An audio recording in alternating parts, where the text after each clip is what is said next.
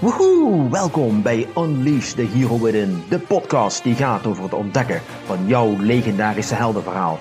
Ik neem je mee op reis langs de verhalen van helden en heldinnen die net zoals jij bezig zijn om een eigen legende te creëren. Zij delen hun ervaringen, tips en wijsheden met als doel jou te inspireren om een jemig de pemig fantastisch leven te hebben.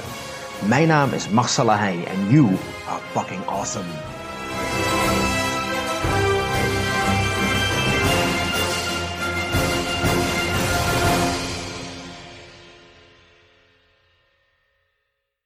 Hallo en welkom bij een nieuwe aflevering van Unleash the Hero Within. En vandaag heb ik uh, wederom een hele bijzondere gast voor me zitten, Nikki van Villerken.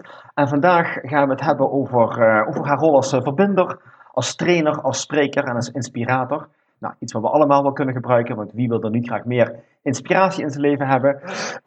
en we gaan ook eens kijken naar een van haar ja, donkere perioden in haar leven, toen ze worstelde met een alcoholverslaving. En ja, het zijn vaak de onderwerpen die misschien niet zo snel besproken worden. En hoe fijn is het om daar met iemand helemaal open over te kunnen praten? Want ja, zonder dat we het vaak weten, zijn er misschien een hele hoop mensen die daarmee te kampen hebben. En ja, hun leven wordt daardoor beïnvloed. Dus hoe gaat dat nou in zijn werking? Ik wil, als ik naar mezelf kijk, dan geloof ik niet dat ik veel last heb van, van uh, verslaving. Maar ik heb er genoeg verhalen over gehoord dat het gewoon echt levens kan verwoesten. Dus hoe zit dat nou in elkaar? Nou, vandaag praten we dus met een expert op dat gebied. Niki, welkom. Uh, hartstikke bedankt dat je helemaal naar Helden hebt uh, afgereisd. En met mij wilt komen praten over jouw verslaving. Want ja, ik vind het bijzonder dapper dat je daar gewoon open over durft te spreken. En nou heb je mij verteld dat je daar ook regelmatig lezingen over geeft. Mm -hmm. En dat je het gebruikt als een metafoor om mensen eigenlijk verder te helpen. Ja dat probeer ik wel. Ja, nou, Ik, ik ben erg benieuwd. We hebben net al een hele tijd met elkaar gepraat. Dus uh, ik weet zeker dat dit een heel boeiend uh, verhaal gaat worden. Waar zou je graag willen beginnen? Want hoe ontstaat een uh, alcoholverslaving in jouw geval? Ja, dat is meteen met de deur in huis inderdaad. En daar hou ik ook wel van. want dat is toch wat mensen heel vaak vragen. Hè? Van, goh, heb jij een alcoholverslaving gehad? Of hoe is dat nu dan? Um, hoe kan dat nou? Want jij ziet er helemaal niet uit als een uh, verslaafde. Ze hebben een bepaald beeld bij iemand die verslaafd is. Wat ik zelf ook had. Um, maar het is ook niet zo dat je van het een op het andere moment verslaafd bent. Ik vergelijk het wel eens met um, wanneer ben je volwassen? Het is niet dat je op een ochtend opstaat en zegt, nou ben ik volwassen. Dat is ook, uh, hè, het ene moment voel je een puber, dan wel eens een kleuter, dan een volwassen en dan een oud iemand. En met verslaving is eigenlijk hetzelfde. Het, het sluipt er eigenlijk langzaam in. Er zijn ook uh, stadia um, die ze wel eens benoemen. Hè, van, ja, dat je begint eigenlijk met een drankje. Zo ben ik natuurlijk ook begonnen. Wat de meeste mensen ook doen voor de gezelligheid. Of er is wat te vieren. En daar is ook overigens totaal niks mis mee. Wanneer word je verslaafd? Op het moment dat je merkt dat je vaker drinkt dan dat goed voor je is. In die zin dat je op een gegeven moment voelt van hey, uh, drink ik nu omdat ik het gewoon leuk vind? Of drink ik omdat ik mijn gevoel wil verdoven? Of omdat er een andere reden is dan puur pleasure? Ik merkte op een gegeven moment dat ik uh, behoefte had aan, aan alcohol op het moment dat er eigenlijk niks te vieren was. En ik denk achteraf gezien dat dat het moment ook was dat mijn verslaving uh, mij ja, eigenlijk op mijn pad kwam. Dus kijk, er zijn ook verschillende stadia in verslavingen. En wanneer ben je verslaafd? In mijn optiek ben je verslaafd op het moment dat jij iets gebruikt of iets doet. Hè, of dat dan alcohol is of drugs of toch naar je telefoon grijpt. Um, voor social media om te kijken hoeveel likes je hebt, hè, bij wijze van. Dat jij iets, iets, iets doet of, of tot je neemt uh, terwijl je eigenlijk diep in je hart al voelt van, brengt mij dit iets? Of is het het dwangmatige het toch, toch doen? Van ik voel eigenlijk wel dat ik dit drankje niet moet nemen. Ah, fuck it, ik ga het toch doen. Want iemand heeft mij pijn gedaan. Of ik voel me kloten. Of ik ben heel zielig. Of uh, ik, heb toch, uh, ik heb dat toch verdiend. Zo kan ik daar heel lang ja. over, over praten. Het is, het is het mechanisme van Ehm, Is het een soort vluchtmechanisme? ja, voor mijn eh, gevoel wel, ja. Oké. Ehm, ik, ik noem het wel eens ehm, fake pleasure of true pleasure. True pleasure is dat je iets doet omdat je dat leuk vindt. Wat misschien ook niet altijd even goed voor ons is. Hè, ik bedoel, alcohol is in principe Dus niet je- goed voor ja, je. ja. Maar joh, boeien. En zo zit ik er nog steeds in. Hè? Van, joh, ik, ik doe ook nog steeds dingen waarvan ik eet ook nog wel eens een, een zak chips. Ja, is dat zo gezond? Ja, maakt niet uit. Ehm, waar het om gaat is van, doe je het omdat je het, dat het je letterlijk echt een goed gevoel geeft? Of doe je het om dus inderdaad je gevoel te verdoven? Eh, angst, eh, schaamte of, of wat dan ook.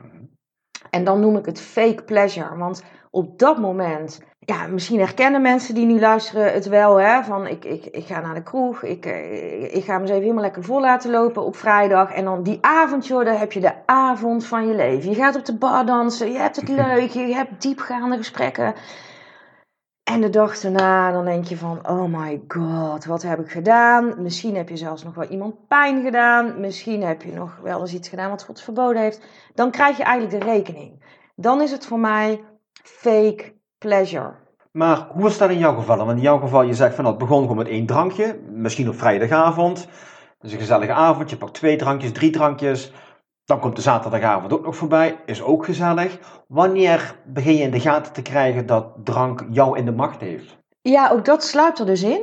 En onbewust, hè, want ehm, ja, mindfucking, dat doen we allemaal. Hè. Eh, heel lang heb ik natuurlijk ook niet gezien dat ik een probleem had. Hè, want eh, ik maakte mezelf vooral wijs dat ik dat natuurlijk niet had. Maar deed je toen al elke dag drinken? Of was het gewoon in het weekend? Of eh, s s'avonds alleen? Mm. Of... Ja, dat is heel wisselend. Ik, eh, ja, ik, ik had weken dat ik, dat ik niet dronk. En als ik dan wel dronk, dan dronk ik gigantisch veel. Ik denk dat ik op een gegeven moment wel merkte dat ik echt een probleem had toen ik alleen ging drinken. Dus op het moment, ehm, dat zullen denk ik mijn mede-verslavingsgenoten eh, herkennen, we dronken allemaal stiekem. We dronken allemaal alleen. Sterker nog, eh, in mijn echte actieve verslaving, dus dat ik echt continu met, met drank bezig was, dronk ik juist in gezelschap amper. En dat klinkt heel tegenstrijdig wat ik nu zeg, Mhm. maar op dat moment wist ik van mezelf, ik heb echt een alcoholprobleem en ik wil niet dat de rest van de wereld dat weet. Want je schaamt je, ehm, je wil naar de buitenwereld toe doen alsof je je leven op de rit hebt, wat natuurlijk niet zo is. Dus juist op feestjes en als ik bij andere mensen was, dronk ik heel weinig. Om maar de schone schijn op te houden dat ik vooral geen alcoholprobleem had. Eh, wat niemand wist, was dat ik dan al anderhalve fles eh, eh, thuis naar binnen had gewerkt. En dat ik op dat feestje dan bij spreken niet wist hoe snel ik naar huis kon. Om weer thuis door te drinken. Dus het hele sociale aspect van wat ja, mensen doen op feestjes, gewoon Ja. lekker wat drinken. Dat, dat was voor mij al lang een gepasseerd stadium. Oké, maar ben je begonnen om alcohol te gaan drinken eh, doordat je je wat losser voelde, wat makkelijker contacten deed leggen, misschien wat opener was? Nee, nee. Misschien kan ik je een stukje terugnemen in, in een stukje historie om, om te begrijpen ehm, hoe zoiets ontstaat. Graag. Kijk, ik zeg wel eens, eh, ik heb een alcoholverslaving, maar eigenlijk heb ik de ziekte van meer. Verslaving is een vorm van mateloosheid.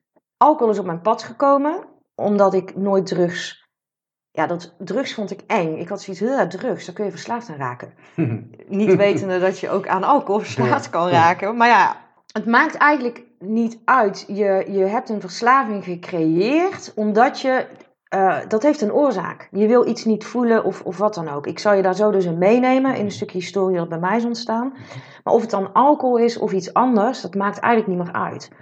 Eh, als je maar iets hebt om niet meer te hoeven voelen, niet meer te verdoven Van weg te lopen. ervan weg te lopen. Veel mensen denken inderdaad dat je dus alcohol of dat je een verslaving hebt gecreëerd omdat je eh, makkelijk contact wilde maken. Wat jij ook zegt, dat is Ja. ook heel logisch, hè, want bijna iedereen denkt dat.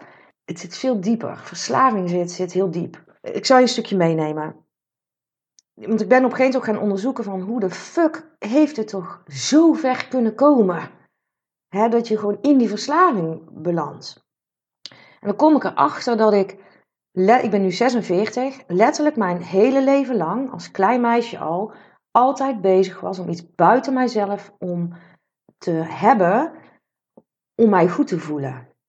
Ik was niet in staat om, om, mijn, om kracht, om mij goed te voelen, om dat uit mijzelf te halen. En dat heeft uiteindelijk tot die alcohol geleid. Die alcohol vulde mijn leegte, dacht ik. Maar eigenlijk als klein meisje, en dat vertel ik ook vaak in mijn lezingen, had ik een, knuffel, had ik een knuffelaapje. Letterlijk een aapje. Ik heb hem nog steeds. Nou, iedereen, hè, misschien heb je ook al een knuffelbeer gehad, of een doekje, of, of wat dan ook. Waarom heb je dat beertje? Om, kindjes voelen zich dan veilig. En als die knuffel bij opa oma blijft liggen, dan zijn die kinderen helemaal ah, mhm. paniek, paniek, want ze hebben die knuffel niet meer. Voor mij was het precies hetzelfde. Als ik mijn knuffeltje bij me had, voelde ik me goed, voelde ik me veilig. Dan had ik het gevoel, ik kan de hele wereld aan. Terwijl in feite is het gewoon een stuk stof. Hè? Dat is de associatie. Mhm. Ik hield mijzelf voor de gek dat dat aapje mij, monkey, mij eh, kracht gaf en veiligheid. Later, toen ik puber werd, had ik enorme phalanx, gebrek aan zelfvertrouwen. Ik was altijd bezig nog steeds met pleasen. Kijk mij eens staan. Weer die bevestiging van buiten, eh, erkenning van anderen krijgen. Dat anderen maar zeiden hoe goed ik het deed, daar deed ik dan ook echt alles voor. Ehm, zodat ik dat ook weer buiten mezelf om dacht te vinden om mij goed te voelen. In mijn puberteit heb ik een, eh, een, een eetverslaving uh, gehad. Ik wist toen helemaal niet dat dat ook een vorm van verslaving is. Ik heb een ernstige vorm van bulimia gehad. Dat is eigenlijk mijn eerste verslaving geweest. Een verslaving uh, in de zin van me zwaar kut voelen. Op school ook heel erg gepest worden. Hè. Ik ben heel erg gepest. Zelfs door leraren. Nou, dat doet ook niet echt iets met je zelfvertrouwen. Dat zat ongeveer op min 10. Dus ik voelde me al uh, leeg. En, en, en dan krijg je dat, dat pesten. En, en dat eten werd voor mij een soort controlemechanisme. Dan had ik zoiets van, ik, ik fiets dadelijk naar huis. Dan ga ik naar de supermarkt. Ga ik heel veel, extreem veel eten uh, inslaan. Ga ik dat allemaal opeten. En dan ga ik zorgen dat het weer uit mijn lijf gaat. Dat is bulimia. Daar, daar ben ik totaal in doorgeslagen. En dat is ook echt verslavingsgedrag wat er toen al gebeurde op mijn veertiende. Kijk, je moet en zal, dat dwangmatige, verslaving is ook een vorm van dwangmatigheid. Je moet en zal drinken, je moet en zal dat eten krijgen. Maar je moet en zal dat eten eruit krijgen. Um, ging ik gewoon na sluitingstijd van uh, de drogisterij, en dan woon ik ook nog toen in een dorp, ging ik gewoon opbellen met een smoesje. Ja, mijn moeder uh, heeft last van uh, obstipatie en ik heb laxeermiddelen nodig. Kan ik die nog komen halen? Dat je echt denkt, my god, zij was gewoon mijn laxeerpillen dealer op mijn veertiende. Terwijl je dan eigenlijk al een stemmetje hebt van Niki, doe eens normaal. Zij is ook niet achterlijk, maar ik moest en zou dat eten uit mijn lijf krijgen. En dat is, heeft ook extreme vormen uh, aangenomen. Hele strategieën heb ik daarin ontwikkeld. Hè? Want je wordt als verslaafde, als je echt iets wil, lukt het je ook, is wel eens mijn motto. Want ik wilde dan dat eten eruit. Nou, dan ging ik eerst worteltjes eten, wat dan oranje is en gezond. En dan de rest allemaal slecht. En als ik wist, ik kom bij de wortelen. Hè, met, uh, ja, overgeven. Ja. Dan, dan is mijn missie geslaagd. Nou, Marcel, de kick die ik daar dan van kreeg, daar, daar is onbeschrijfelijk. Want dan was mijn missie geslaagd. Ik had gigantisch veel gegeten. Ik had het allemaal uit mijn lijf. En het was gelukt.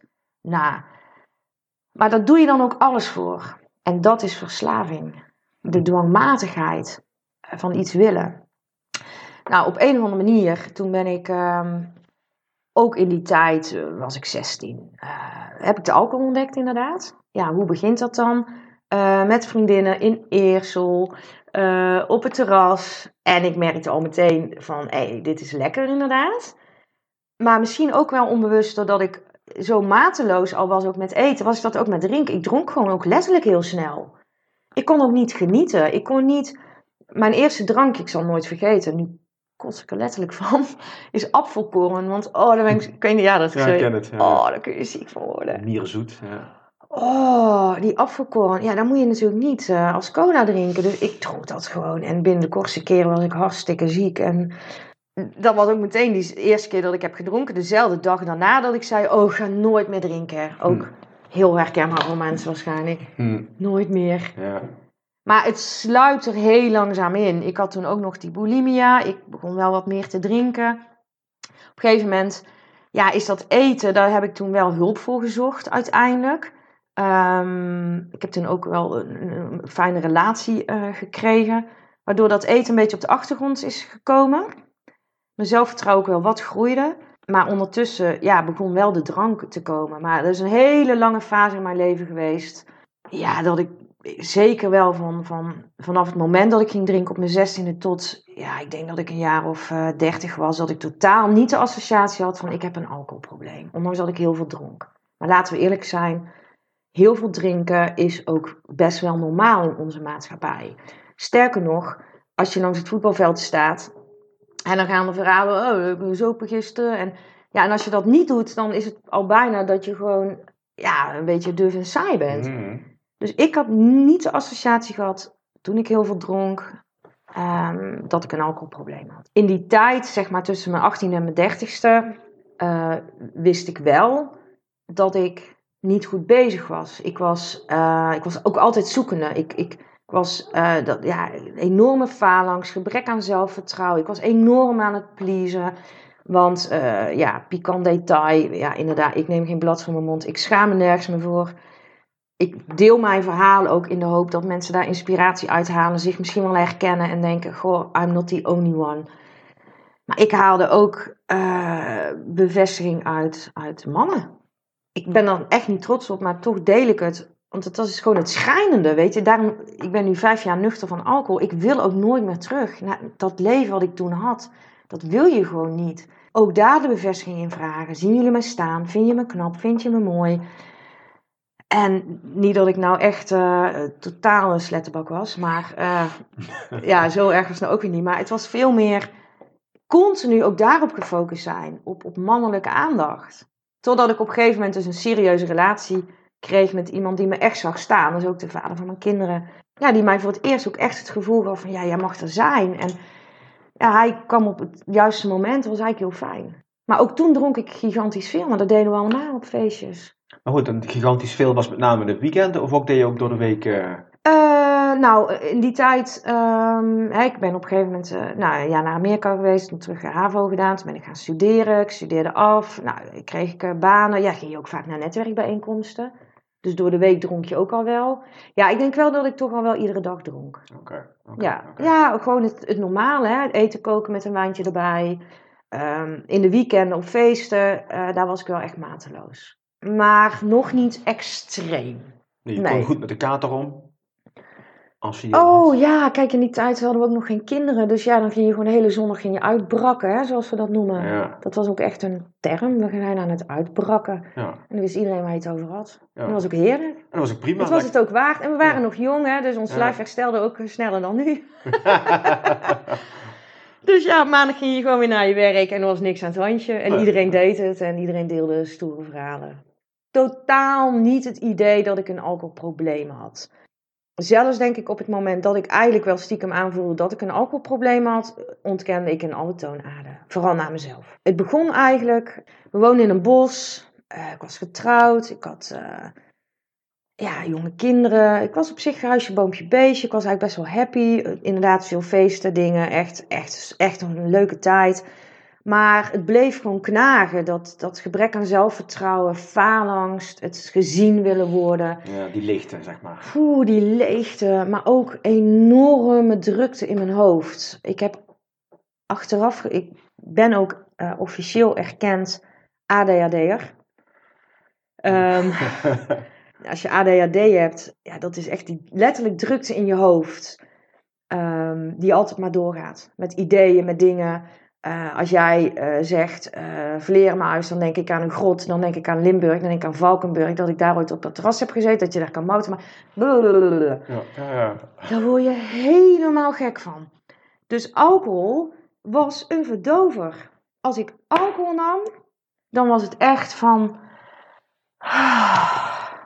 Ik hoef even niet meer te voelen. Ik hoef even niet meer te voelen hoe kut ik me voel.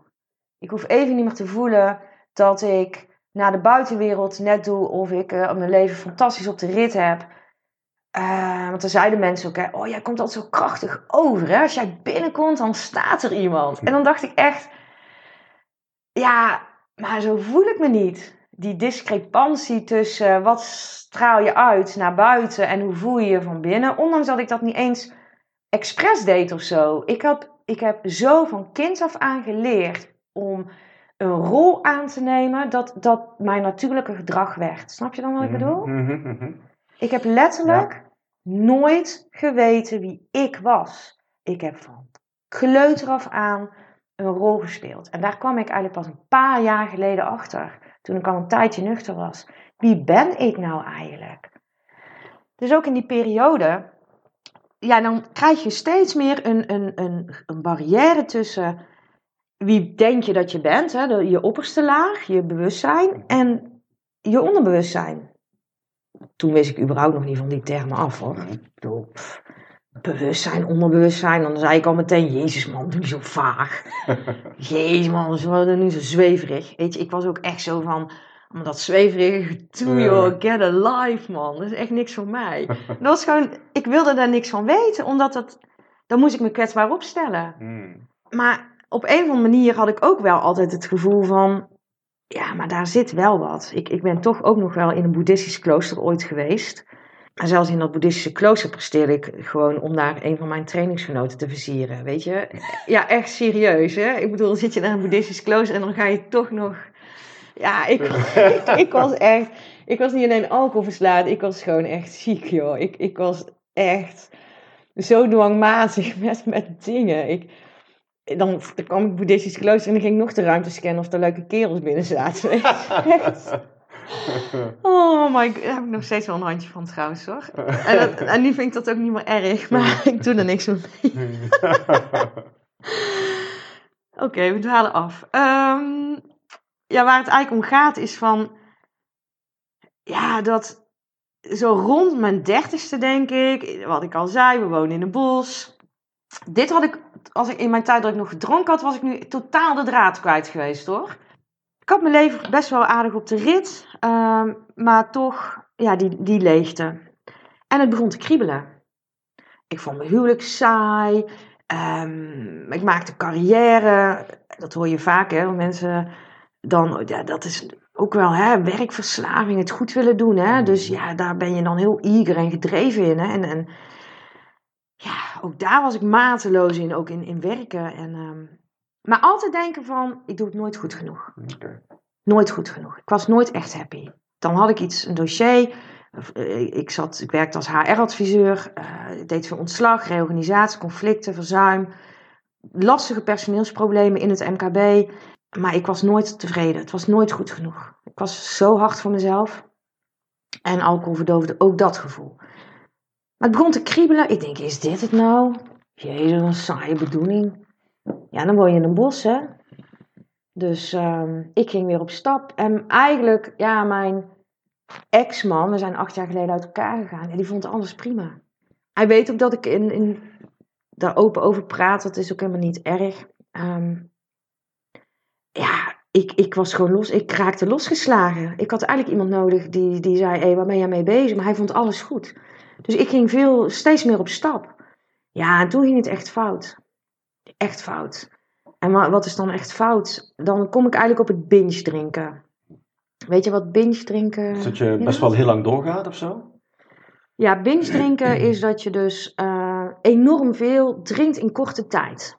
Ja, een zeg normaal iemand gaat naar de kroeg, die gaat daar lekker eh, drinken. Oh, we gaan eens even lekker een avondje op stap en we gaan eens een keer lekker zuipen. Dat je dan best veel drinkt, in mijn geval, dan zoop ik me letterlijk van de wereld. Dan dronk ik zoveel. eh, dan voelde ik op een gegeven moment wel een punt van, hmm, nou heb ik eigenlijk wel te veel op. Dat heb je vaak, hè? Van, Mhm. hmm, Ben ik je ben toch dronken aan het aangesloten worden? of hmm, Mhm. dan ging ik door. Ik had geen rem. Die had ik niet. Ik zei dan wel tegen mezelf, nu moet je stoppen. En dan was er toch dat stemmetje. En dat is dan toch dat verslavende brein, hè, wat dan zegt... Ah joh, ga gewoon door. Ik- Je kan, ik kan daar ook niet uitleggen wat er dan gebeurt. Daarom is het heel lastig te begrijpen, eigenlijk ook voor mensen. Wat is dan die verslaving? Weet je, wat, ik, ik, zelfs ik snap het zelf niet eens echt wat er dan gebeurt. Op een of andere manier, je gaat gewoon door. En dat is binge drinken. Dat je dan gigantische hoeveelheden drinkt. Wat was jouw eh, weapon of choice? Ik drankje? Of had je geen vast drankje? Ehm, wijn, heel veel Wijn, Wijn, wijn, wijn. Ja, maar ehm, ja, vooral wijn. Whisky. Ja, ik dronk heel veel whisky. Eh, heeft ook wel een historie. Eh is misschien wel grappig om te vertellen. Of ook niet, weet ik niet. Is aan de luisteraar te beoordelen of hij het grappig vindt. maar, ehm, nou, mijn vader. Ja, ik heb natuurlijk ook niet helemaal van een vreemde. Hè, veel drinken. Het is niet dat mijn ouders alcoholverslaafd zijn, maar ze lusten wel een borrel. Mijn vader is echt een whiskydrinker. Whisky, water erbij, ijsblokjes. Van kinds af aan weet ik al dat hij dat drinkt. En altijd als dan mijn ouders bij ons op bezoek kwamen, dan had ik of geen whisky in huis, of geen ijsblokjes. Water natuurlijk altijd. Dus op een gegeven moment zei die Niki, ik ben er zo klaar mee. Als ik bij jou op bezoek kom, wil ik gewoon mijn borreltje klaar hebben staan, zoals dat dan heet. Dus jij krijgt, of jullie, jullie krijgen van mij super deluxe koelkast. Met een ijsblokjesmaker, eh, water, wijn, waar het volgen is, hè? waterkoeler en een fles whisky. En als ik dan kom, heb jij geen excuus meer dat die whisky. eh, Ik had altijd whisky in huis. En dat is wel gevaarlijk, want ehm, die ging ik dan ook drinken. En whisky is toch behoorlijk sterk. En af en toe had ik toch echt even een shotje nodig als ik me echt heel kut voelde. Dus dan pakte ik die whisky. Dus voordat ik er erg in had, had ik ja, altijd wel whisky in huis. Maar die zoop ik dan zelf op, stiekem. En dan vulde ik hem met thee. Ja, je wordt ook heel inventief. Dus op een gegeven moment stond er eigenlijk altijd whisky in de koelkast. Dacht mijn partner. Maar dat was dus eigenlijk thee. Of het was een gedeelte whisky. Het was, nou, die whiskyfles, ik werd er ook door geobsedeerd. Weet je, hoe kan ik nou voor zorgen dat iedereen denkt dat die whiskyfles... Maar, want ja, de gangenkarrel is ook niet altijd open. Ah, dus op een gegeven moment komt mijn vader een keer op bezoek. En toen was ik dus vergeten dat er thee zat. En toen vroeg hij om een whisky. Ja, en toen heb ik dus die fles weggemoffeld en gezegd dat ik geen whisky in huis had. En ja, misschien is dat ook wel een van de eerste momenten geweest, eh, Marcel, dat ik dacht: Nikki, you got a fucking problem. Dit is echt ziek. En dat is eigenlijk dan zo'n stemmetje dat je eigenlijk wel weet van ja, waar ben jij in godsnaam mee bezig? Maar het boeide me niet, dacht ik. Daar ga ik me nu niet druk om. Dat wilde ik niet. Weet je, dat is een soort. Dat zien we morgen wel. Ik zei ook steeds vaker tegen mezelf: morgen stop ik. Morgen ga ik minderen. Misschien wel heel herkenbaar, want dat doen mensen heel vaak. Als je iets niet wil, want je vindt het eng. Hmm. Je vindt het eng om van baan te veranderen. Of, hè, of je vindt het eng om je partner te vertellen dat je het eigenlijk helemaal niet leuk vindt wat hij doet. Je vindt het eng om te stoppen met roken. Dan doe je, zeg je, en je zegt tegen jezelf: morgen stop ik. Morgen ga ik dat doen. Morgen. Dan ben je zelf zo in mindfuck. Want eigenlijk zeg je tegen jezelf van... Kijk eens hoe goed ik bezig ben. want Morgen ga ik dat doen hoor. Maar vandaag mag ik nog precies doen waar ik zin in heb. En er is geen morgen. Die whisky, ja, op een gegeven moment ging mijn huwelijk ook zo slecht dat we naar relatietherapie gingen. En dat was eigenlijk de eerste, het eerste moment dat ik ook ochtends ging drinken. Hadden om tien uur die relatietherapie. Die fles whisky, die deze keer wel gevuld was met whisky, stond in de koelkast. Ik bleef maar naar staren en toen dacht ik, ach, wat de heck. Ik ben toch zo zielig en ik weet niet wat ik moet doen. En dan moet ik daar weer heen. Nou, dan heb ik gewoon drie whisky achter me kiezen Zo. genomen om tien uur 's ochtends. En toen ben ik naar relatietherapie gereden in de auto. En dat was het moment dat ik ook tegen die relatietherapeut zei en tegen mijn ex van... eh, ja, ik weet dat jullie het ruiken, dat ik eh, whisky heb gedronken. Dat komt, want eh, ik wil je niet zijn. En dan ga je dus in de verdediging. Dan ga je het echt bij hun leggen. Dat zij een soort van schuld zijn. Dat ik noodgedwongen... Dat, dat het echt heel verklaarbaar en logisch is... dat ik om tien uur ochtends drie whiskies... En dan kom je, dan kom je in het moment... dan ben je gewoon verslaafd. Dan ga je anderen voor de gek houden. Je bent jezelf voor de gek aan het houden. En dat is ook het eerste moment geweest dat ik heb gezegd... Ja, waar ben jij mee bezig? Dat ik zei, ja, ik wil dit ook niet meer. Dit, dit kan zo niet. Toen ben ik naar, voor het eerst hulp gaan zoeken en toen kwam ik bij Novadik. Ik weet nog goed, was bij de GGZ in Eindhoven. Ik zat daar, ik keek daar echt om me heen en ik voelde me een soort van verheven boven al die mensen die dan daar waren. Want dat waren dan allemaal maar losers. Want ik had toch eigenlijk geen probleem. Ja, ik dronk wel wat, maar eh, dat weet ik nog goed, de arrogantie ook die ik op dat moment had. Weet je, je gaat zelf ook zo geloven dat je geen probleem hebt, omdat je wil dat niet weten. En dan zit je daar en dan lopen die mensen langs en dan... Ja, je wil daar niet mee geassocieerd worden of zo, met de GGZ. En uh, ik ging net zo lang die psycholoog inpraten, toen ik eenmaal binnen mocht, dat ze zei, maar je bent nog jong, ik denk wel dat je een alcoholprobleem hebt, maar ik denk wel dat jij over twee jaar wel weer kan drinken. En dat moet je als psycholoog nooit tegen verslaafden zeggen. Want ik vertaalde dat, zie je nou wel dat het wel meevalt. En ik ging naar huis, ik zei ook, oh, nog gewoon drinken. Weet je, daar ben ik gewoon achter. Daar ben ik ook heel, heel stellig in, voor mezelf. Hè? Ik zal nooit andere mensen adviseren wat ze moeten doen. Maar één ding weet ik wel voor mezelf. Je was zo verslaafd. Het is geen optie om te drinken. Het is niet uitproberen. Kan ik nog drinken? Kan ik een paar glazen? Dat gaat niet. En waarom? Omdat je brein, ik heb, het, ik heb werkelijk alles geprobeerd daarin. Hè? Alleen door de week. Alleen in het weekend. Alleen met een feestje. Niet met een feestje. Het is niet te doen. Ik noem het wel eens flesmanagement. Ik was de hele dag met flesmanagement bezig. Kan ik wel doen, kan ik niet drinken. Ik moet het eigenlijk wel doen. Nee, eigenlijk toch niet. Dan word je helemaal gek. Het kan niet. Je pakt het middel en je wil meer. Dat is verslaving. Je kan niet meer stoppen. Iedereen die zegt, je kan met mate drinken, tegen mij, dan zeg ik, nee, dat kan ik niet. En sterker nog, dat wil ik ook niet. Ik wil rust. Als ik niet meer drink, hoef ik nooit meer na te denken, kan het wel, kan het niet. Dat is verschrikkelijk vermoeiend. Maar in die periode waar ik het net over had, hè, dat ik bij die psycholoog was, had ik die kennis en wijsheid nog niet. Ik zat in het beginstadium van mijn verslaving. Je wil alles proberen om maar wel te drinken.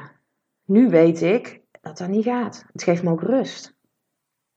Toen wist ik dat niet. En er was ook, ja, dan praat ik echt over ja, jaren terug. En ik, ik heb een jarenlange strijd gehad. Ik heb vijf en een half jaar geleden pas echt ingezien dat ik echt een probleem heb. Dat ik ook wist van, als ik zo, zo doorga, dan is er voor mij gewoon geen morgen. Maar goed, kijk, verslaving is voor mij een metafoor voor iets buiten jezelf omzoeken. En dat is ook wat ik heel graag mee wil geven aan de wereld. Ik, ik wil niet mensen gaan vertellen dat ze wel of niet moeten drinken. Weet je, daar gaat het mij helemaal niet om. Als jij gewoon, ook zoals mijn, mijn vriend, ik heb nu al, al heel lang een andere relatie. Dan zeg ik ook, joh, pak lekker een biertje. Want daar gaat het mij niet om. Jij kan gewoon lekker genieten van een paar drankjes. Dat is gewoon prima. Daar is niks mis mee. Maar als je het gaat doen om jezelf goed te voelen of om je gevoel te verdoven, dan zeg ik van, joh, dan zou je eens kunnen overwegen om daar eens over na te denken. En dat is wat ik graag wil. Ik wil mensen bewust maken. Door mijn eigen verslaving als metafoor te gebruiken van, doe jij iets? Drink jij? Of zit jij weer voor de duizendste keer je, je social media te checken? Omdat je dat leuk vindt, omdat het jou daadwerkelijk iets geeft, hè? dat het jou iets brengt, dat het jou een, een soort van voldoening, oprechte voldoening geeft? Of doe je het uit een dwangmatigheid van, oh shit, als niemand mijn post heeft geliked, zie je, dan ben ik een loser. Hmm. En als ik zie dat honderd mensen mijn post hebben geliked, zie je nou wel, I'm the hero, bij wijze van, hè? Ja, ja, ja. Snap je mijn essentie? Ja, ik snap het zeker inderdaad, ja. Was er voor jou een punt dat je zei, en nu stop ik echt, want nu moet ik echt hulp gaan halen? Was er een soort rock bottom punt of zo? Of... Nou ja, die zijn er heel veel geweest. Hè. Ze zeggen wel eens van op je rock bottom moment inderdaad. Hè, dan, dan, uh, dat heb je dan nodig om te stoppen. Dat klopt. Bij mij ook. Maar ik heb die wel heel veel gehad. Kijk, mijn verslaving is eigenlijk zo lang doorgewerkt. Ik heb zoveel rock bottoms gehad. Ik bedoel, weet je Marcel, als jij gewoon... Nou ben ik heel open hoor. Ik heb dan kinderen. Uh, op het eind van mijn verslavingsactieve verslaving moest ik mezelf echt de vraag stellen: heb ik mijn kinderen nog eten gegeven, ja of nee? Nou, dat is toch een behoorlijke rock bottom. De vraag is alleen: erken je het als een rock bottom? Op het moment dat je zelf ervaart dat je je rock bottom hebt en dat je echt van diep van binnenuit beseft: dit is niet meer wat ik wil. Niet eens zozeer, dit is niet meer wat kan, want die fase is al lang voorbij.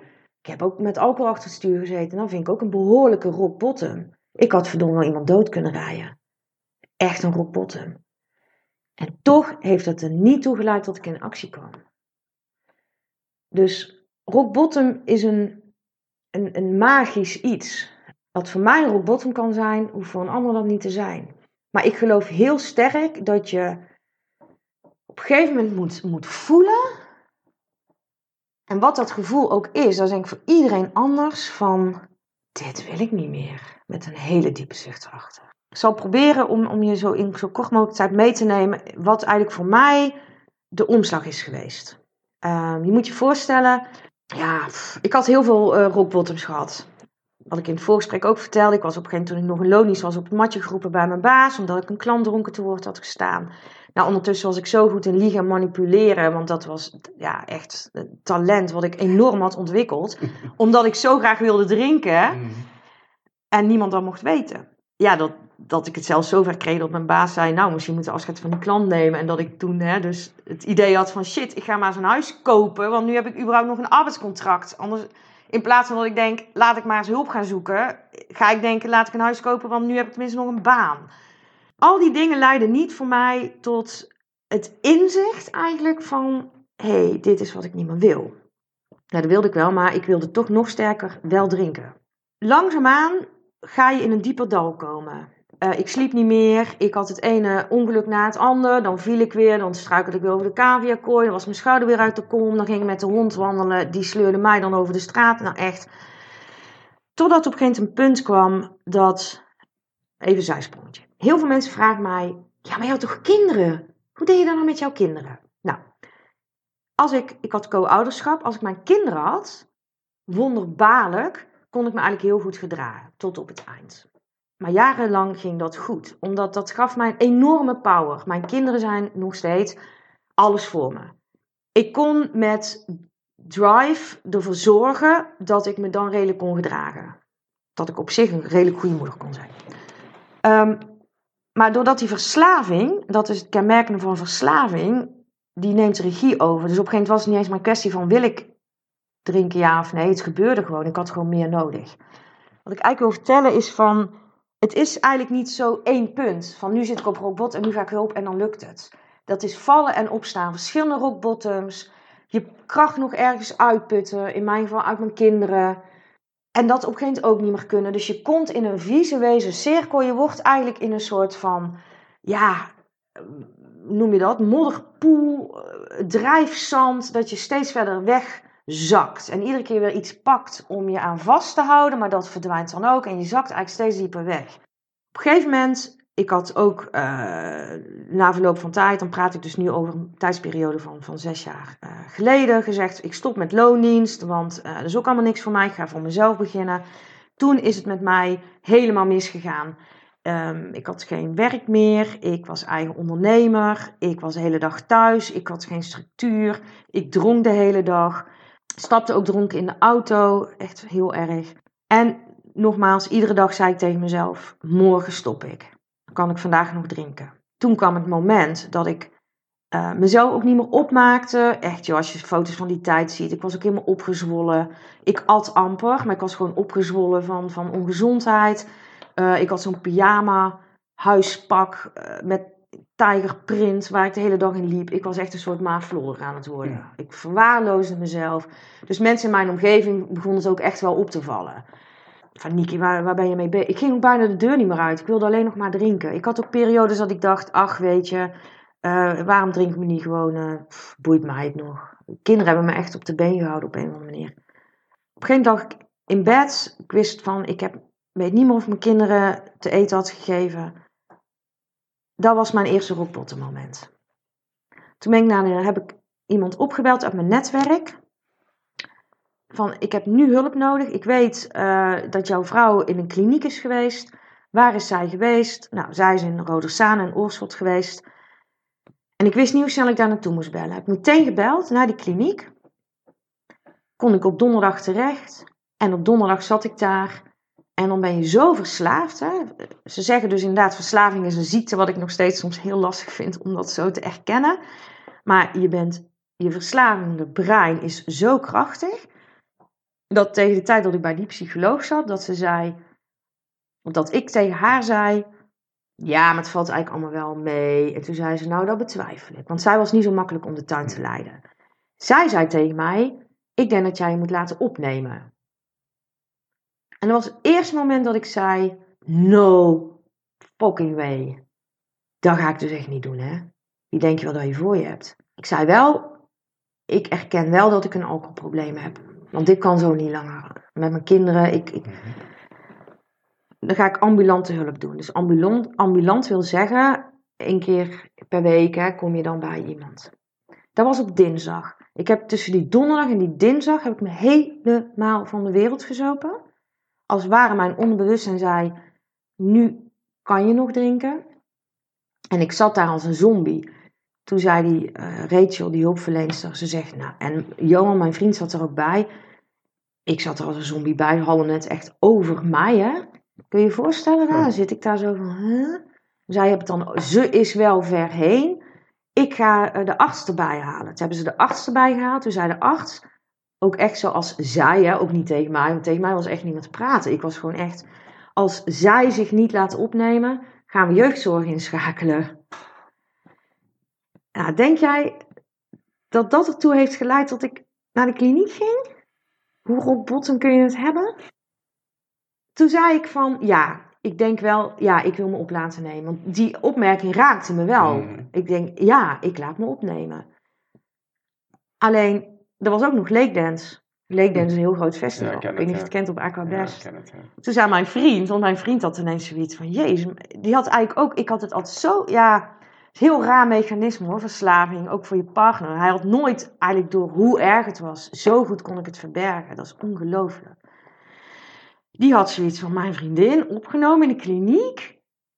Oh my god, maar we zouden toch ook naar Lake Dance? En, en is er gewoon net gedreigd met jeugdzorg. En dan toch nog zeggen, ik zei van ja, dat klopt. We gaan nog één keer naar Lake Dance. Gaan we nog één keer van de wereld zuipen. En dan laat ik me opnemen. Ja, en toen kwam het moment. En dat is misschien, ja, dat is heel vaag wat ik nu vertel, maar het is waar gebeurd. Um, toen ging ik op vrijdagavond uh, friet bakken. Eh, ik had mijn zonen. Uh, was nog een vriendje van mijn zoon. Ik ging friet bakken. Um, ik weet ook dat ik die avond, moet ik eerlijk bekennen, ik had wel wat wijntjes op. Want ja, ik kon ook, ik kon ook niet meer functioneren zonder. Dan ging ik echt trillen. Dat zo verslaafd was ik. Ik had nog ja, een paar wijntjes. Vriendje opgehaald s'avonds uh, thuis. En de volgende ochtend word ik wakker met een brandblaar op mijn borst. Echt zo'n dikke. En ik schrok me helemaal kapot. En het eerste wat in mij opkomt was: jij gaat je spullen pakken en jij gaat naar die kliniek. Als jij niet wil horen, moet je maar voelen. Zo ervaarde ik het gewoon. En als ik dit verhaal altijd vertel, dan, dan klinkt dat. Het is heel, iets heel vreemds. Want ik heb ook dat verhaal, die vader van dat vriendje gebeld van. Ja, kwam ik zo dronken over? En, en die man had echt zoiets van: nee, helemaal niet. En dan denk ik van als jij gewoon frietvet over je heen krijgt, nou dan kun je hartstikke dronken zijn, dan voel je. Ik kan het niet verklaren, ik wil het ook niet verklaren. Ik ben daar ook helemaal niet mee bezig om dat te verklaren. Voor mij was het een teken, Niki, ga alsjeblieft hulp zoeken. En dat is ook het moment geweest dat ik ook niet meer wilde. Ik was helemaal nee, ik was gewoon, ik was helemaal klaar mee. Ik ben naar die kliniek gegaan. Ook tegen mijn vriend zeg, fuck leek dance, ik ga naar de kliniek. Ik ben daar naartoe gegaan. Ik zou er eigenlijk vier weken heen gaan. Ik heb er zelf nog een vijfde week aan vastgeplakt. En daar kwam ik tot de conclusie. Ik ben niemand. Ik ben wel iemand, maar ik weet niet wie ik ben. En dan, uh, doen ze allerlei therapieën en dingetjes. En op een gegeven moment kwam ik erachter van... Ik weet werkelijk niet wie ik ben. Ik heb mezelf altijd verdoofd. Ik heb mijn leegte verdoofd met drank. Of met aandacht, of met mannen, of weet ik veel. Eh, social media kwam toen ook al best wel op. Deed ik ook best wel veel mee het mateloze dus eigenlijk. Ehm, en, van, en in mijn hoofd heb ik die enorme drukte. En dat is die ADHD. Ik, kwam er daar ook achter wat van enorm, ja, hoe ik eigenlijk mijn schild had gecreëerd. In overtuigingen, in het zwart-wit denken. Om een voorbeeld te noemen. Ja, je had daar ook uh, Crea-Bea-therapie. Dus dan uh, moest je gaan schilderen. Of speksteen schaven. En ik, ik ging gewoon in de weerstand ik was sowieso in die tijd best wel een bitch. Ik kon ook heel arrogant zijn, ondanks dat ik eigenlijk dan een pleaser ben, was. Vooral toen was, uh, ja, was. Kon ik toch uh, enorm bot zijn. En je denkt toch niet dat ik hier uh, ga lopen schilderen. En ja, zo, ja, er was geen kwestie van of ik dat wil. Want ik je was eigenlijk gewoon een soort gevangene in die kliniek. Je- je- ja, dat moest je gewoon doen. En dan zei ik van, ik heb ooit een poes getankt voor mijn zoon. Hij dacht dat het een hond was. Dus ik kan niet tekenen. Dus ik kan niet schilderen. Dus jij denkt toch, godverdomme, niet dat ik dat ga doen, weet je wel zo. Dus ging ik speksteen schaven. Zal ik daar de hele dag zo aan zo'n steen? Eh, Dat is ook niks. En dan merk je eigenlijk dat de belemmerende overtuigingen, dat die zoveel, ja, je eigenlijk ehm, ervoor zorgen dat je wereldje zo klein is. Op het moment dat je die een kans geeft, een klein deurtje opent, om die toch aan de kant proberen te zetten, dan gaat er een wereld voor je open. Dat heb ik gewoon echt ervaren. Ik wilde niet schilderen. Eh, nu doe ik niks liever. En waarom? Iemand zei op een gegeven moment van, waarom ga je dan niet op muziek schilderen? Je houdt toch zo van muziek? En dat is ook, ik hou van muziek. En dat was eigenlijk mijn, ja, mijn deurtje. Van oké, dan wil ik dat nog wel doen. En door me open te stellen, dus niet in mijn belemmerende gedachten te blijven denken. Van dat kan ik niet, dat wil ik niet, dat is toch geen fuck aan. En en dit en dat, en, en kritiek en, en oordelen. Door het een kans te geven, ging er een enorme deur voor me open. Want ik kwam erachter dat muziek, ja, muziek, dat weet je ook, muziek is emotie, muziek doet iets met je. En, en, en het, maakte eigenlijk dat ik uit mijn denken naar mijn voelen kon gaan door die muziek. En dat ik dat voelen kon vertalen op het schildersdoek. En als je mijn schilderijen ziet, het, het is niet dat ik kan schilderen. Ik zal nooit op de kunstacademie toegelaten worden. Maar dat boeit me niet. Het gaat erom dat ik er voldoening uit krijg. Dat ik het, het verdoven wat ik deed met drank, het niet hoeven voelen, omdat ik niet wilde voelen. Nu durf ik te voelen. Ik durf mijn gevoel toe te laten. En dat is mij gelukt als eerste stap door naar muziek te luisteren en daarop te schilderen. En dat is wat ik heel graag ook wil meegeven van hoe moeilijk ook, ik, ik weet het hoe moeilijk het is. Ik heb het zelf ook ervaren. Ik ervaar het nog steeds wel eens met dingen. Probeer, ja je moet niks, maar probeer iets te vinden van, hé, hey, maar hoe kan ik dan een heel klein stapje nemen? Waar krijg ik dan wel energie van? En misschien kan dat mij wel leiden naar dat hogere doel. En, en dat heb ik toch wel daar geleerd van hoe mijn overtuigingen, mijn oordelen in zwart-wit, mij eigenlijk ehm, heel erg hebben weerhouden om echt te leven, om te voelen, maar er eigenlijk ook toe hebben geleid dat ik heel lang in die verslaving ben blijven hangen. Ik geef nu lezingen in de Yes We Can Clinics in Hilvarenbeek, is een jeugdkliniek. Daar zit jeugd tot 23. Ik heb zo'n respect voor hun. Ik word er altijd een beetje emotioneel van, want ja, dat die gewoon de kracht hebben om daar naartoe te gaan. Tien weken lang, als je zo jong bent, om, dan ga je echt als je jong bent het, zaadje planten om een mooi leven te creëren. En, maar nu ben ik 46 en denk ik, ja, ik heb nog heel leven voor me. Het is nooit te laat. Dat merk ik nu ook. Er gaan wegen voor me open. Dat ik hier zit, mijn verhaal mag delen. Dat ik net naar jouw verhaal heb geluisterd. Ook super inspirerend. Omdat ik me ervoor openstel. Daar kan geen drank tegenop. Daar kan geen verdovend middel tegenop. Weet je, dat is allemaal, ja, short, fake pleasure voor mij. Het is allemaal korte termijn. Ik heb nog steeds dagen dat ik me kut voel. Ik kan het niet anders noemen. Maar die hebben we allemaal. De vraag is hoe ga je ermee dealen? Ga je het wegzuipen? Ga je het op anderen afreageren?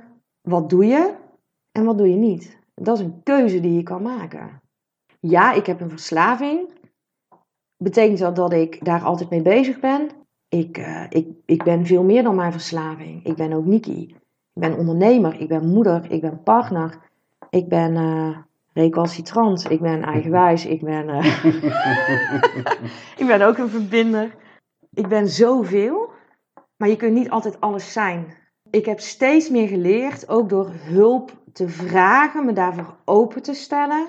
Ja, dat er zoveel te halen is in de wereld in hulp. Uh, ik zeg wel eens, je moet het zelf doen, maar je hoeft het niet alleen te doen. Maar je moet het wel zelf doen. En dat is niet altijd makkelijk.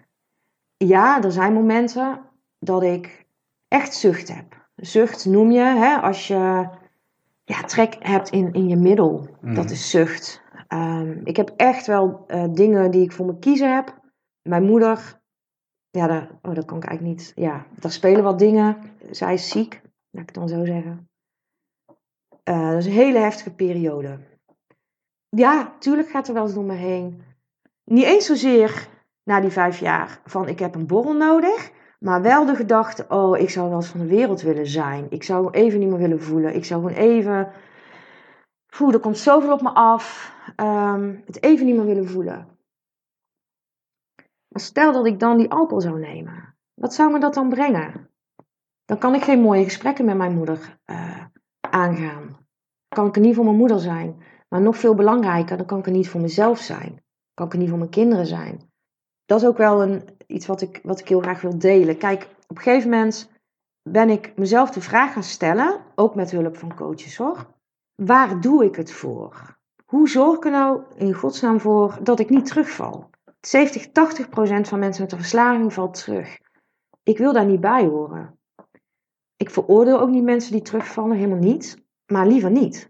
Hè? Ik bedoel, het is gewoon kut als je terugvalt. Dat wil je gewoon niet. Dus ik ben gaan kijken van, waar doe ik het voor? Wat levert het mij op? En dan weet jij ook, dan moet je het positief brengen. Dus niet, ik wil nooit meer drinken. Ja, dan, oh, ik mag nooit meer drinken. Hm. Nou, dan weet ik niet hoe snel ik eh, naar de Jumbo of naar de Albert Heijn Hm. of Plus of, nou, moet rijden. Hetzelfde, denk niet aan een roze olifant. Dan ga je alleen nog maar daaraan denken. Dus, oké, het moet positief. Oké, moeilijk, moeilijk, moeilijk, hè. Ik vond dat echt wel een struggle, hoor. Van, ja, hoe kan ik het nou positief brengen? Uiteindelijk dacht ik, ik wil een goede moeder zijn. Ik wil een goede moeder zijn voor mijn kinderen. Dus kan ik niet drinken. Hé, dat is interessant. Want dan wordt drinken niet meer mijn doel. Of niet drinken. Dat, nee, ik wil een goede moeder zijn. Dus kan ik niet drinken. Dan brengt het mij iets. En als voorbeeld, stel dat je mij nu zou vragen, wat is jouw geluksmoment? Dan zou ik zeggen, het moment, het was een zaterdagavond dat ik op de bank zat. Eh, mijn zonen waren boven op zolder met een aantal vriendjes. Vrienden moet ik tegenwoordig zeggen. Eh, aan het gamen. En ze riepen naar beneden: Mam, wil jij pizza voor ons halen? Dat was een geluksmomentje voor mij. Weet je waarom? Dat mijn zonen bij mij waren. Dat ze vrienden uitnodigden. In plaats van zich kapot schaamden voor een bezopen moeder die op de bank ligt. Dat ze hun vrienden meenamen. Dat ze mij iets vroegen. Het vertrouwen wat ik had van ze. En dat ik gewoon simpelweg in de auto kon stappen. Hm. Want ik had niet gedronken. En ik ging die pizza halen. Ik was echt, yes, oh, want Hm. ik beteken iets voor hun, weet je. Een paar jaar later zei ik, ja, ga lekker zelf de pizza halen, want alles is ook vergankelijk, hè. Ik bedoel, maar dat zijn die kleine stapjes. Dat was voor mij een, een klein geluksmomentje toen ik net uit die kliniek kwam. En die zijn zo waardevol. En nu ben ik een paar jaar verder. Nu is mijn drive is, is anders. Omdat ik nu heb geproefd hoe fijn het is om, eh, om nuchter te zijn. Om toch steeds meer mezelf te kunnen accepteren. Compassie voor mezelf te voelen. Ik weet, het zijn allemaal van die modetermen. Maar toch, het is zo belangrijk. Ja, jezelf accepteren. Van jezelf houden. Ik, ik vind dat nog steeds af en toe een uitdaging. Als ik eerlijk ben. Het lukt me steeds beter. En nu zeg ik gewoon van... Joh, ook nu met mijn moeder nu het slecht gaat. En ik moet zeggen, ik heb ook best wel hè, met mijn partner wel eens eh, wat, wat, wat dingen. Nou ja, hoort er ook bij. Dat ik denk, ja, maar ik wil, ik wil me goed voelen. Ik wil in mijn kracht staan. Ik wil zelf regie hebben. Dus kan ik niet drinken. En dat is gewoon. En dan hoop ik echt, als mensen dit horen, dat ze daarover na gaan denken. Van als ze iets moeilijk vinden, want het hoeft voor mij Weet je, het gaat me eigenlijk helemaal niet om mijn verslaving. Wat ik heel graag wil meegeven, en daarom zeg ik ook mijn verslaving, zie ik veel meer als een metafoor. Van als je iets moeilijk vindt, dat zie ik vaak in het bedrijfsleven ook, hè, er worden doelen gesteld. Waar mensen helemaal geen verbinding mee hebben. Of die ze eigenlijk diep in hun hart weten van ja, maar dat gaat nooit redden. En dat ook niet durven uit te spreken. Hè? Bang om hun baan te verliezen, bang om te falen, bang om weet ik veel, hè? om hun Maakt niet uit, vul het maar in. Maar uit angst, wat jij straks in ons voorgesprek ook, hè, we worden vaak gedreven door angst. Oké, maar wat wil ik? Wat vind ik belangrijk? Wat gaat het mij brengen op het moment dat ik toch bij spreken met mijn baas in gesprek ga? Hé hey joh, kunnen we dat doel toch eens bijstellen? Of ik wil het toch eens anders. Want dat is ook eng. Dat is eng. Weet je, nobody said life was easy. Het is niet zo. Maar hoe kun je jezelf nou ertoe bewegen, die drive vinden, wat het jou gaat brengen? Want dan, dan wordt het makkelijker. Want dan zie je eigenlijk al het, het doel, je diepste verlangen al voor je. Dat is ook waarom ik de Natural Power Flow heb ontwikkeld. Hè? Die uh, er eigenlijk op neerkomt van ja, een batterij. Hè? Hoe zorg je dat je je batterij opgeladen houdt, je energielevel goed houdt. Dat is verschrikkelijk belangrijk. Ik heb zelf vorig jaar ook ervaren, want ik heb echt nog wel, uh, heus wel uh, dieptepunten dat mijn batterij niet meer was opgeladen. Ja, dat gaat niet. En toen kwam ik er ook achter van, ik ben zelf eigenlijk ook weer te weinig bezig geweest van, nou, wat wil ik? Wat voel ik? Wat vind ik belangrijk? Maar vooral ook van, als je van A naar B wil, uh, wat is je doel? Tuurlijk, is belangrijk, maar waarom is dat jouw doel? Als jij uh, 10 kilo wil afvallen, ja, mijn doel is ik wil 10 kilo afvallen. Ja, ik weet niet met jou zit, ik word daar niet echt uh, happy van. Dan denk ik, ja, oh my god. Nee, ik wil, ik noem maar iets, ik, ik, wil, als, ik wil weer um, in mijn favoriete spijkerbroek kunnen. Maar ja, die vind ik dan ook nog redelijk bazaal. Ik wil gewoon weer met mijn zoon kunnen voetballen, omdat ik merk dat hij altijd met mij wil voetballen, maar dat lukt me niet, omdat ik gewoon fucking te zwaar ben. En mijn doel is dat ik weer wil voetballen met mijn kind. En daarom val ik 10 kilo af. Snap je dat? Ja, zeker. Ja, zeker. Find your why. Find your why. Ja.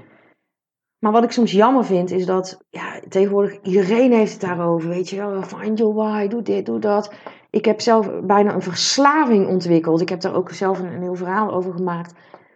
Dat ik op een gegeven moment merkte dat ik verslaafd raakte aan persoonlijke ontwikkeling. Ja, dat ken ik. Ja. My god, echt. Ik was geabonneerd op 20 goeroes nou ja, zelfbenoemde goeroes. Die ook echt wel uh, goede dingen brengen. Dat is het niet. Maar twintig zeggen het ook net weer anders. En dan dacht ik dat ik totaal van mezelf ver, verwijderd raakte. En dat op een gegeven moment eigenlijk mijn vriend zei. Maar Niki, jij hebt zelf, en dat is ook, ik heb zoveel trainingcursussen, zul je ook wel herkennen, gedaan. Ik weet het allemaal wel, maar ik krijg het niet toegepast. En dan ging ik het weer buiten mezelf omzoeken. Ging ik me weer abonneren op de nieuwste nieuwsbrief. Als jij een nieuwsbrief zou hebben, dan had ik me daar ook op geabonneerd. En zeg ik, oh, Marcel zegt dat. Oh, die zegt dat. Oh, die... Oh, nee. Oh, shit. Uh, ik krijg geen lucht. Uh, nou, uh, even afleiding zoeken. Nou, dan ga ik even op mijn Facebook. Want ik wil even niet meer daarover nadenken, hoor. Oh, ik ga nog maar even werken. Want dat, dat patroon. Dat doorbreken. Het zit in je. Maar we vergeten het wel eens. Daar geef ik inderdaad, ik zie op jouw blaadje Never Ever uh, Blue. Ik, volgende week geef ik een, uh, een uur een, een, een lezing um, over. We hebben zoveel kracht in ons. Alleen we zijn het wel eens vergeten of we geloven het niet meer. Maar het zit er. We hebben allemaal momenten in ons leven. Allemaal, al zijn ze langer geleden of korter, dat we een moment hadden. Jezus, Mina, wauw, toen zat ik echt in mijn power. En dan heb ik het niet over force. Want er zit voor mij ook nog een heel groot verschil mm. tussen power. Want power kan ook zijn, ik weet het niet meer. De kracht van kwetsbaarheid. Gewoon zeggen, ik weet het niet. Waardoor er hulp op je pad komt. Hoe krachtig is dat? En dat mensen verwarren wel eens kracht met force. Het forceren.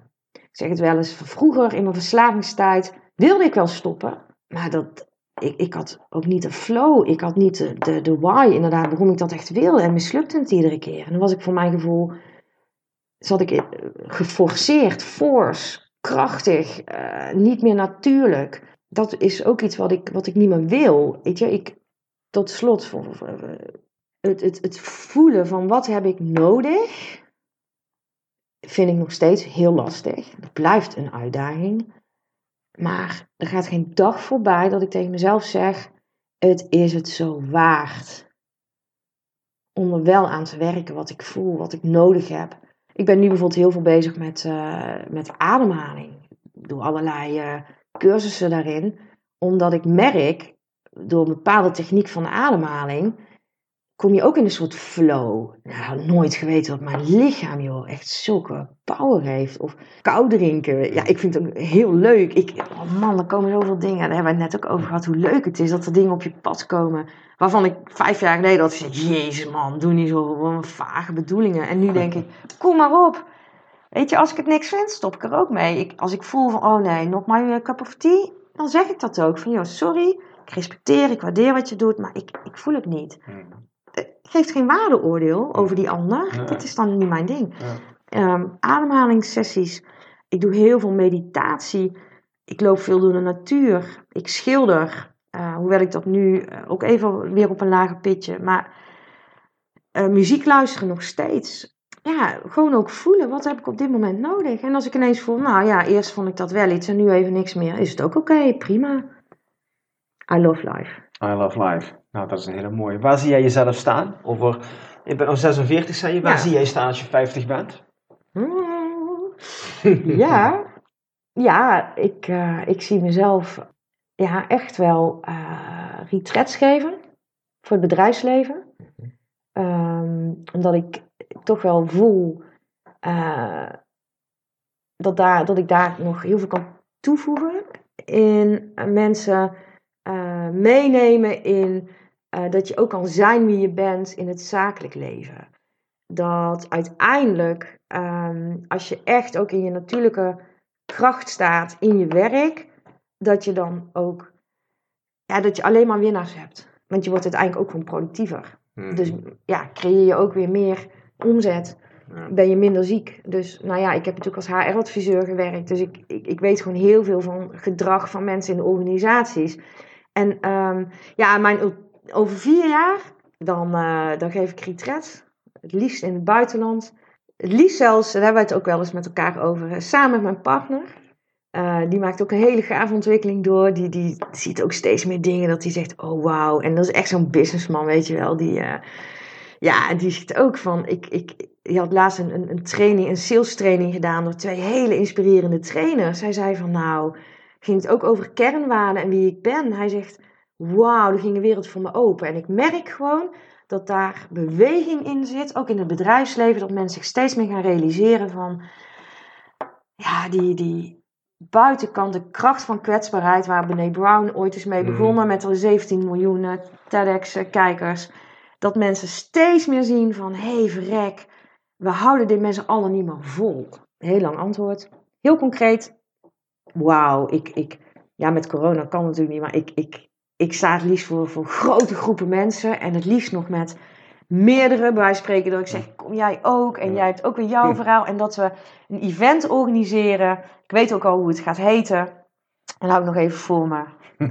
Ehm, waar wat gewoon een fucking gave inspiratiedag is met muziek. Misschien nog wel met wat theater, weet ik veel. Maar een dag. eh, ja, dit is dan die dag, want ik wil eigenlijk een dag en een retreat. Het is meer, je kan meerdere, ik wil heel graag mensen vanuit een positieve boost eh, bewust maken van bepaalde dingen, dat het ook anders kan. Ja, Nou, klinkt mooi. We zijn een beetje aan het einde gekomen van ons Ja. interview. Je hebt eh kranig geweerd. Goed verteld, dankjewel. Is er nog iets wat je de luisteraar mee wil geven? Je hebt fantastisch jouw verhaal gedeeld. Je hebt je helemaal open en kwetsbaar opgesteld. Hartstikke bedankt daarvoor. Ik vond het echt heel mooi. Ik heb echt heel, 100% aandachtig geluisterd. Fantastisch verhaal wat je te vertellen hebt. Heel erg inspirerend. Is er nog iets wat je, wat je kwijt wilt? Eh, ja, er zijn twee dingen die me opkomen. De eerste is: ehm, don't make your life as a credit card. It doesn't hurt until you get a bill. Oftewel, het moment dat je short-term pleasure tot je wil nemen, stel jezelf de vraag: is dit echt wat ik wil? Want het is net als een creditcard. Je koopt, je koopt, je koopt en daarna krijg je de rekening. En ik wil graag afsluiten met een heel kort verhaaltje, mag dat? Graag. Eh, wat gaat over een oude Cherokee-Indiaan en zijn kleinzoon. En het verhaal gaat erover dat je eigenlijk een, een strijd hebt. En die herkennen we allemaal. De oude wijze Cherokee-Indiaan met al zijn wijsheid heeft de strijd van twee wolven in zijn hart. Net als zijn kleinzoon die eigenlijk net komt kijken in het leven. En hij zegt, Er zijn twee wolven. De ene wolf is slecht. Hij is evil, hij is arrogantie, hij is ego, hij is wantrouwen, hij is angst. En de andere wolf is de goede wolf. En hij is liefde, compassie, geduld, mededogen. Alles wat voor het goede staat. Hij zegt, en die twee wolven zijn in gevecht met elkaar in mijn hart. En de kleinzoon vraagt, opa, welke wolf wint? Degene die jij het meeste voedt. I rest my case. Mic drop. nou, dankjewel. Dat is een heel mooi verhaal om mee af te sluiten. Nogmaals, hartstikke bedankt voor het delen van jouw verhaal. Ik vond het echt een heel mooi, inspirerend verhaal. Dus hartstikke bedankt voor het luisteren. Jij hartstikke bedankt dat je hier naartoe bent gekomen. Voor jouw moed, voor jouw kwetsbaarheid. I really love it. Dus thank you so much. Luisteraar, ook bedankt. Ga verder met je leven, wat je aan het doen bent. Haal eruit wat je eruit wilt halen en wat je nodig hebt. Thanks for listening. Until much time, much love. Bye bye.